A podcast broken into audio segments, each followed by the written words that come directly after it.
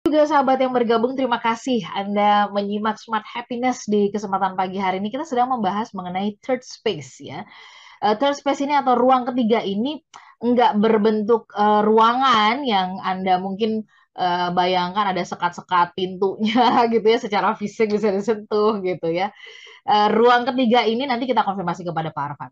Ruang ketiga ini apakah sebenarnya ruang yang uh, uh, ada di dalam uh, pikiran kita, di dalam hati kita, begitu uh, batin spiritual kita atau bagaimana sih Pak Arfan? Dan uh, tadi sebelum kita jeda, saya sudah bertanya juga karena Pak Arfan menyebut ini sebagai sebuah tools, lalu bagaimana kita mempergunakan tools ini? Di space ini apa yang harus kita dialogkan, kita tanyakan? Silakan Pak Arfan.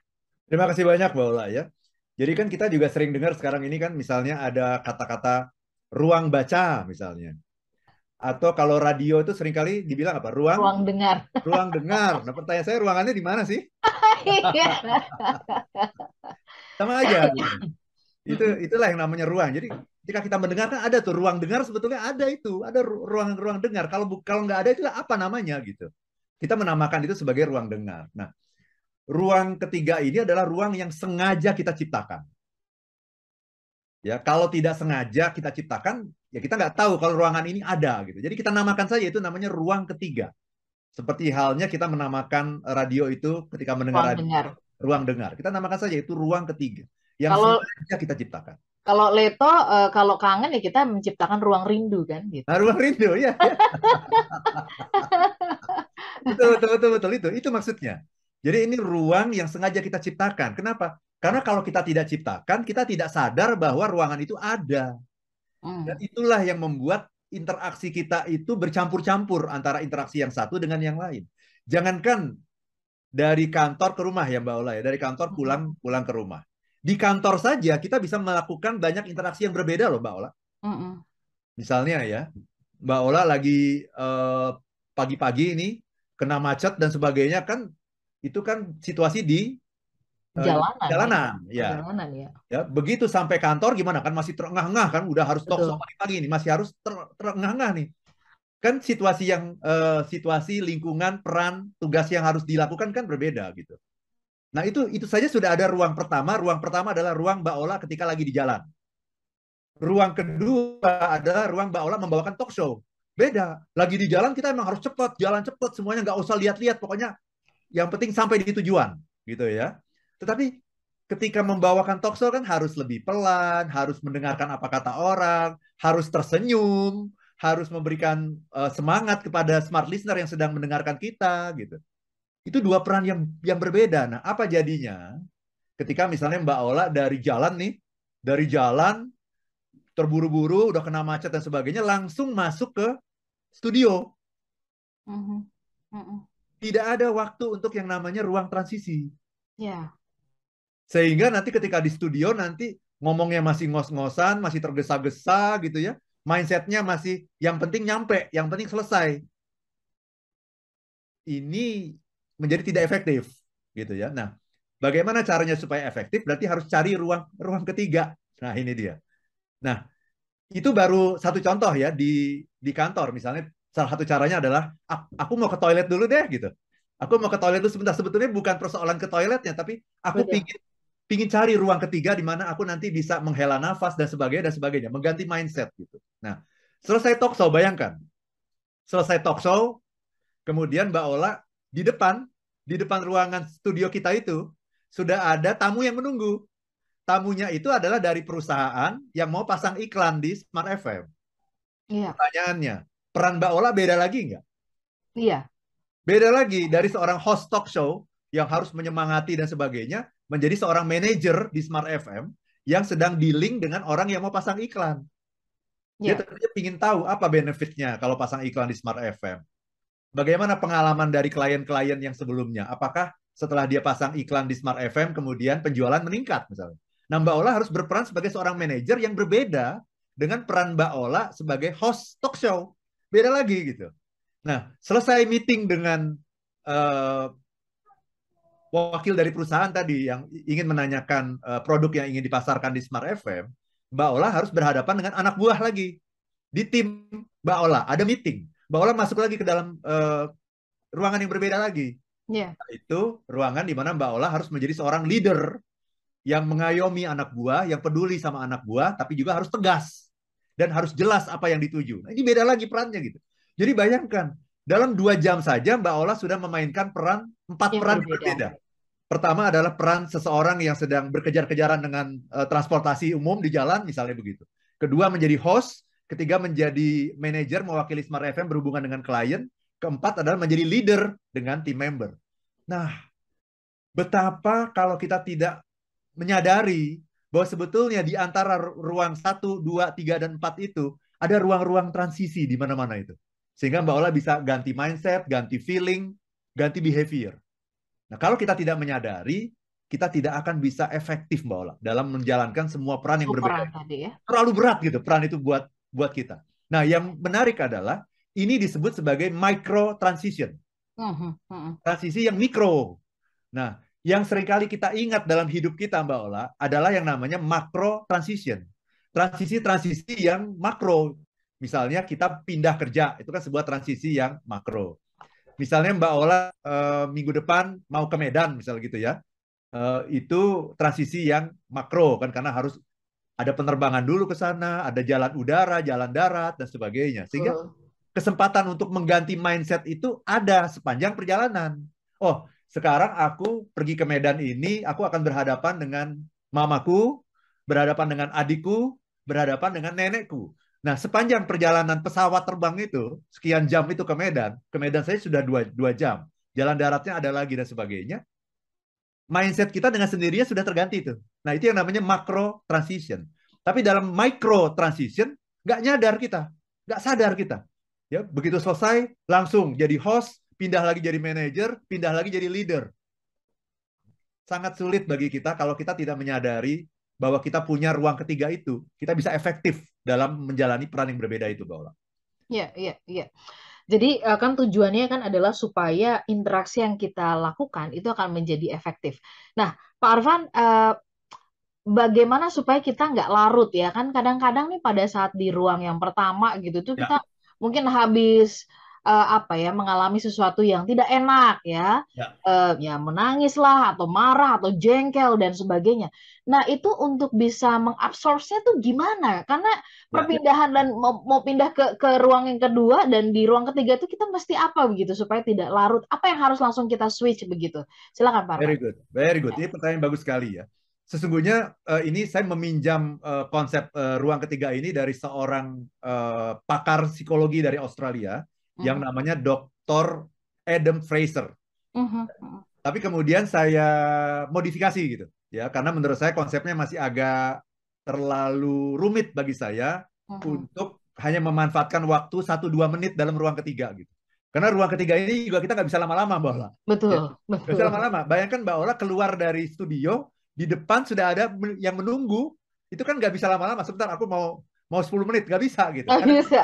Satu dua menit gitu. Jadi saya mencoba menyederhanakan apa yang disampaikan oleh Dr. Adam Fraser ini dengan uh, step berikut ini gitu. Jadi yang pertama itu jadi ada tahapannya Mbak Ola. Tapi tahapannya itu bisa kita lakukan dalam uh, hitungan detik sesungguhnya gitu. Yang pertama adalah yang namanya uh, reflect gitu ya. Reflect, kemudian yang kedua adalah rest. Uh -huh. Yang ketiga nanti namanya reset. Uh -huh. Gitu ya. Saya mulai dari yang pertama dulu ya. Oke. Okay apa itu reflect? Reflect itu adalah um, Anda meninggalkan ruang pertama. Jadi kan ruang-ruang pertama udah harus ditinggalin tuh. Karena kan kita sedang menuju ruang kedua. Dengan dua hal yang namanya reflect. Pertama, bersyukur. Alhamdulillah, aku sudah berhasil menyelesaikan tugasku di ruang pertama. Alhamdulillah. Apa pun itu. Ya, apakah benar-benar berhasil atau ada beberapa keberhasilan saja nggak nggak penting. Tapi mari kita syukuri deh. Apa yang sudah kita lakukan syukuri. Apa pun yang terjadi syukuri. Alhamdulillah aku sudah menyelesaikan itu. Ya itu yang pertama bersyukur. Yang kedua adalah leave your baggage in another place. Istilahnya begitu. Tinggalkan masalah yang masih tersisa yang masih jadi PR di tempat lain gitu. Ya jadi sambil sambil jalan tuh keluar dari studio menuju tempat meeting itu alhamdulillah aku sudah menyelesaikan tugasku jadi host Smart Happiness pagi hari ini. Talk show-nya berlangsung bagus sekali. Alhamdulillah. Penanyanya banyak. Banyak inspirasi. Alhamdulillah. Nah, mungkin masih ada masalah-masalah misalnya. Oh, tadi ada masalah ini dan itu dalam talk show. Tinggalkan. Oke, nanti aku selesaikan. Itu dulu. Itu namanya reflect. Ya. Masuk tahap berikutnya ini sambil jalan nih, sambil jalan nih gitu ya. Masuk tahap berikutnya adalah yang namanya uh, rest. Iya. Apa itu rest? Istirahat. Cara istirahatnya gimana? Gampang, tarik nafas.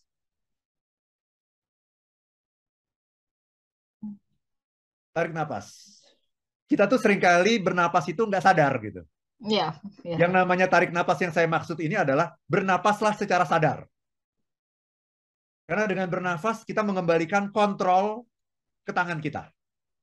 Karena biasanya kita yang dikontrol sama situasi. Betul. Mbak Ola tamunya udah nunggu, wah oh, buru-buru. Mbak Mbak Ola itu ya, meeting sudah mulai Mbak, Mbak ditunggu di ruang meeting. Mau lagi lagi, jalan lagi.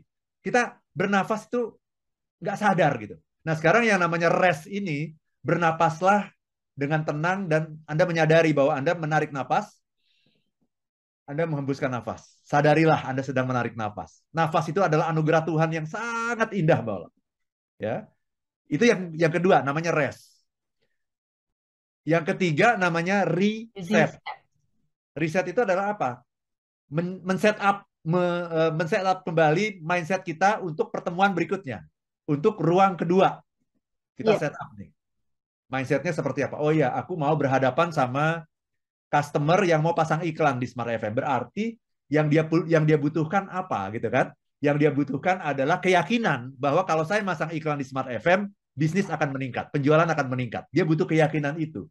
Berarti nanti aku harus menunjukkan testimoni-testimoni para customer yang lain yang sudah pasang iklan di Smart FM dan dia harus benar-benar jelas mengenai benefitnya yang dia dapat apa. Ah, udah, sambil jalan dan aku harus menunjukkan bahwa aku adalah orang yang antusias, yang melayani klien dengan semaksimal mungkin gitu ya, yang membuat orang itu happy berinteraksi dengan Smart FM. Udah sambil ya. sambil jalan, begitu ketemu Selamat pagi Bu, apa kabar? Udah beda gitu. Sudah menjadi Ola yang berbeda, bukan Ola yang host talk show, tapi Ola yang manajer di Smart FM yang sedang berhubungan dengan customer. Oke. Okay. Jadi Baik. tiga Mbak, reflect, reflect, rest, rest and reset. reset. Ya. Oke. Okay. Kita sambung bahasanya. Sudah ada beberapa pertanyaan yang masuk. Pak Arfan nanti kita bacakan ya. Tetap bersama ya. dengan kami Smart Listener untuk satu sesi yang terakhir. Listener dan juga sahabat yang bergabung kita sampai di sesi yang terakhir. Terima kasih untuk Eh, tanggapan-tanggapan dari Anda. Saya mau ke Pak Endro dulu nih yang ada di Bukit Tinggi. Selamat pagi Pak Arfan. Uh, salam kenal dan ini baru uh, pertama kali ya WhatsApp saya masuk dan dibacakan katanya. Oke, udah pede banget ya akan dibacakan. Pak Endro uh, menyampaikan gini nih Pak Arfan. Uh, ini kan sering kali yang terjadi ya, kadang-kadang hubungan antara Eh, kita dengan orang lain suka nggak berjalan dengan baik karena kita nih eh, gagal gitu ya uh, ada di ruang ketiga itu. Berarti fokusnya kan sebenarnya adalah kita berinteraksi dengan diri sendiri ya Pak Arfan ya. Artinya bisa mengontrol diri sendiri tuh pada saat di ruang ketiga. Tetapi bagaimana kalau misalkan ada banyak masalah yang membajak pikiran kita, itu kan nggak konsen dan sebagainya. Nah, apa yang uh, mungkin Pak Arfan punya saran begitu bagaimana kalau misalkan di kondisi seperti ini ada masalah banyak itu udah pasti otak tuh kayak kebajak dan kayak nggak bisa ngapa-ngapain gitu silakan Pak Arfan nah ini dia jadi apakah kalau kita eh, membandingkan diri kita dengan orang lain kita akan melupakan apa yang kita miliki nah ini makanya mindsetnya itu adalah love tadi dengan mindset love itu kita tidak akan melupakan apa yang kita miliki. Kenapa? Karena kita mencintai diri kita sendiri. Kita mencintai diri kita, kita tahu bahwa kita perlu asupan untuk bisa berkembang, untuk bisa maju. Dan asupan itu adalah juga dalam bentuk uh, wawasan, insight-insight dari orang lain gitu. Ya, jadi ketika kita membandingkan diri kita dengan orang lain, melihat ke atas, kita bukan ingin seperti dia gitu. Saya bukan ingin seperti Warren Buffett misalnya gitu ya saya bukan ingin seperti Elon Musk gitu, bukan gitu. Tapi saya ingin menjadi Arvan Pradiansyah yang terbaik dengan memanfaatkan inspirasi dari Warren Buffett, inspirasi dari uh, Elon Musk dan sebagainya gitu.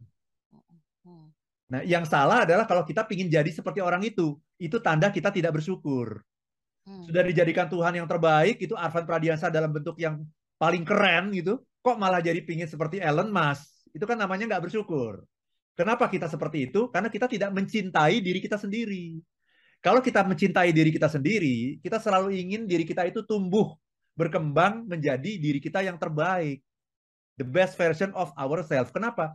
Karena ketika Tuhan menciptakan kita, Tuhan itu menciptakan dalam bentuk yang terbaik, dalam potensi yang terbaik gitu. Ibaratnya kita itu adalah uh, mobil Formula One gitu. Formula One itu kecepatan maksimalnya itu sampai di angka 371 km per jam loh Mbak Ola. Mm. Tetapi hari ini saya baru 100 km per jam. Mm. Padahal Tuhan menciptakan atau pencipta dari Formula One ini menciptakan Formula One itu 371 km per jam.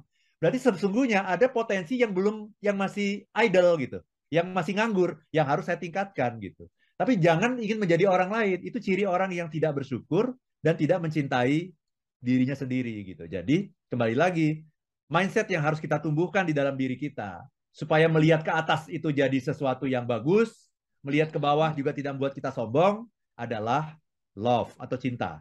Bedanya adalah kalau melihat ke atas tumbuhkan cinta kepada diri sendiri, love yourself. Kalau melihat ke bawah supaya nggak sombong, tadi saya melihat kuli bangunan supaya nggak sombong, supaya melahirkan rasa syukur, tumbuhkan yang namanya love others. Tapi intinya adalah love gitu. Intinya adalah love karena love is ya the answer. Nah, the answer. Ini uh, kalau bicara apa yang tadi disampaikan Pak Arfan kan tidak serta merta ya. Ini kan sebuah uh, skill yang harus dipelajari nih tampaknya Pak Arfan karena ini betul, ada betul. pengalaman. Uh, saya mau komentari dulu ini pengalaman dari Pak Dwijo ya di Depok ya yang mengatakan Pak Arfan saya sering uh, membandingkan ya dengan uh, rekan, teman sejawat yang udah lebih berhasil, harapannya saya bisa lebih uh, berhasil mendorong gitu kan. Tapi lama kelamaan justru ini ada perasaan, uh, saya merasa bahwa kok diri saya kok nggak nggak berkembang berkembang gitu. Saya malah justru kayak merasa nggak puas gitu ya, bahkan sampai jengkel sama diri sendiri, kok nggak bisa mencapai itu dan akhirnya saya harus masuk rumah sakit karena uh, asam lambung yang uh, tinggi gitu ya Oke. Okay. Uh, ya ini akhirnya berubah jadi penyakit itu Pak Arfan ya. Proses membandingkan diri ya selama ini kayaknya belum berhasil ngeliatin teman-teman kalau reunian udah punya ini, udah punya itu gitu ya.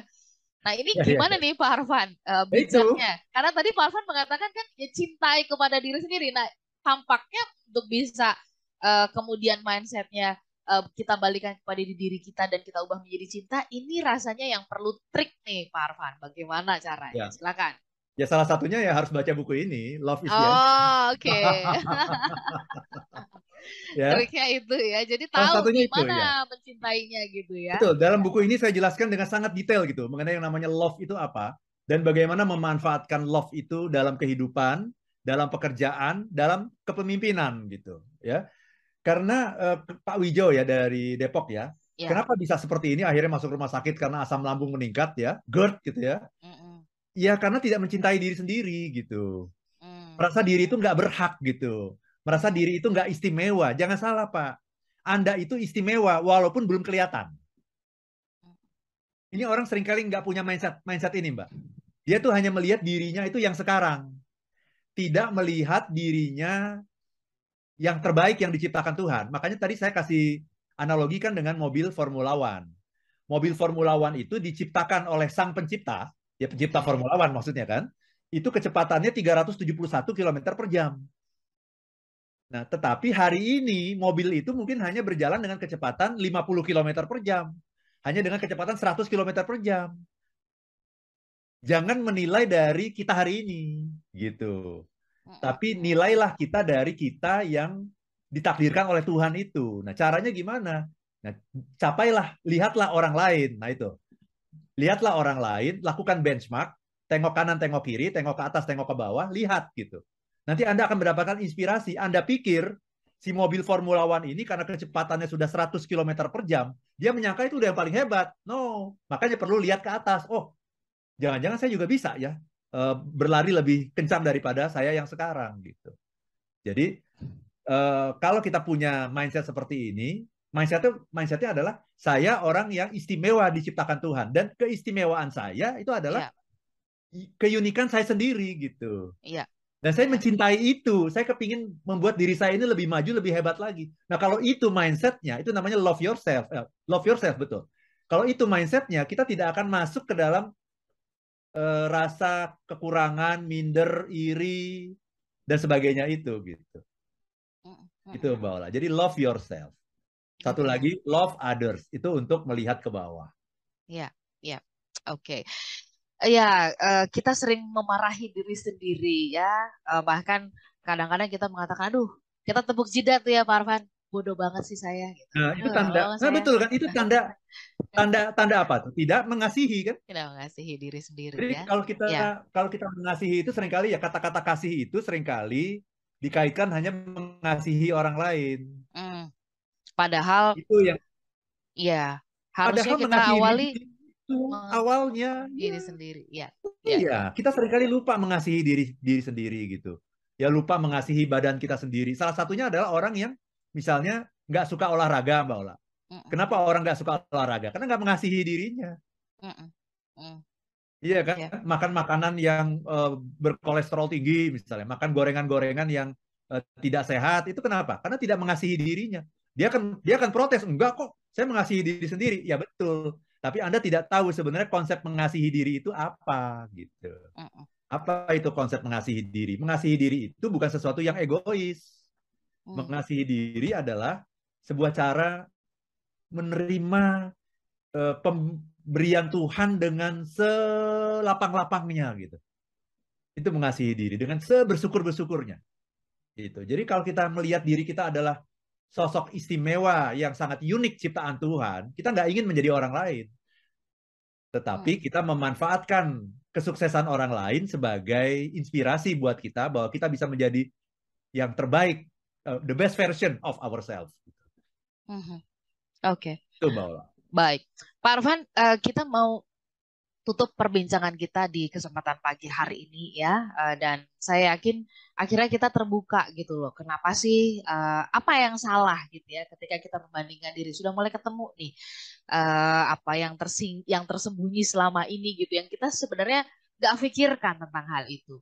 Ya. apa yang harus uh, artinya setelah kita uh, mendapatkan pesan ya dari kita melihat membandingkan tadi Parvan sudah sampaikan bahwa mulailah cintai diri sendiri dan cintai diri sendiri itu beda dengan mengasihani ya Pak Arfan ya. Betul. Karena kalau mengas kalau mengasihani kan pasti kita akan mengatakan ya udahlah memang kamu nggak bisa kan kita suka mengatakan kalau mengasihani gitu. itu memaklumi iya, termasuk iya. Memak memaklumi kebodohan kita kelemahan kita gitu sehingga iya, kita akan iya. terus menerus bodoh dan lemah gitu iya, kalau iya. mengasihi kita dari bodoh jadi pinter dari lemah jadi kuat. Kenapa? Karena kita kasih asupan lagi, kasih gizi lagi, kasih vitamin-vitamin lagi, baik ya. vitamin uh, fisik maupun vitamin jiwa gitu. Uh-huh. Itu Mbak Ola. Baik. Parvan, uh, highlight yang ingin Parvan kuatkan kepada kita semuanya ya, supaya kita tidak terjebak kepada mindset yang salah ya. tentang melihat ke atas atau melihat ke bawah ini. Silahkan Parvan. Terima kasih banyak Mbak Ola. Nomor satu, kalau ada orang yang bilang jangan suka membanding-bandingkan, saya akan mengatakan itu tidak mungkin. Ya, itu adalah fitrah manusia itu membandingkan. Ya, dan manusia itu dikasih Tuhan mata itu untuk membandingkan, gitu ya. Yang kedua, jadi membandingkan itu bukan sesuatu yang tercela. Membandingkan itu adalah sesuatu yang alamiah. Yang ketiga, ketika kita melihat ke atas itu sama dengan melihat ke bawah, sama baiknya dengan melihat ke bawah. Kalau kita punya mindset cinta. Ketika kita melihat ke atas, supaya kita terinspirasi dan tidak jadi minder dan merasa berkekurangan, tambahkan mindset cinta. Apa itu? Love yourself. Ketika kita melihat ke bawah, supaya kita tidak sombong, ya, dan merasa superior, ya, supaya kita selalu merasa bersyukur, ya, tambahkan mindset cinta. Apa itu? Love others. Cintai sesama, cintai orang lain. Ya, jadi ini hmm. cinta harus menjadi sebuah mindset dalam apa pun yang kita lakukan. Supaya melihat ke atas dan melihat ke bawah, sama baiknya, sama indahnya. Oke. Okay. Pak Arfan, terima kasih untuk kesempatan pagi hari ini. Ada hal yang selama ini kita, uh, mungkin kita secara umum kita mendengarnya begini, tapi pagi ini kita dapat sesuatu yang baru, ya, pandangan yang baru tentang uh, proses membandingkan diri yang sebenarnya juga adalah hal yang baik gitu ya, asal kita tahu rumusnya gitu, rumus iya. mindsetnya. Ya. Sehat-sehat untuk Pak Arfan dan buat uh, smart listener juga demikian buat yang belum mengikuti perbincangan ini atau yang tadi nggak ngikutin perbincangan dari awal bisa simak di YouTube di kanal Smart FM rekamannya bisa anda uh, lihat bisa anda tonton di sana terima kasih untuk semua smart listener di berbagai tempat ya di Medan, Palembang, Pekanbaru, Banjarmasin, Makassar, Manado, Surabaya, Yogyakarta, bahkan yang ada di luar negeri juga kami ucapkan terima kasih. Kita ketemu lagi pekan depan. Kami pamit, saya Nurlija. Dan saya Arfan Pradiansyah. If, If you're, you're be happy, be happy, be happy. now.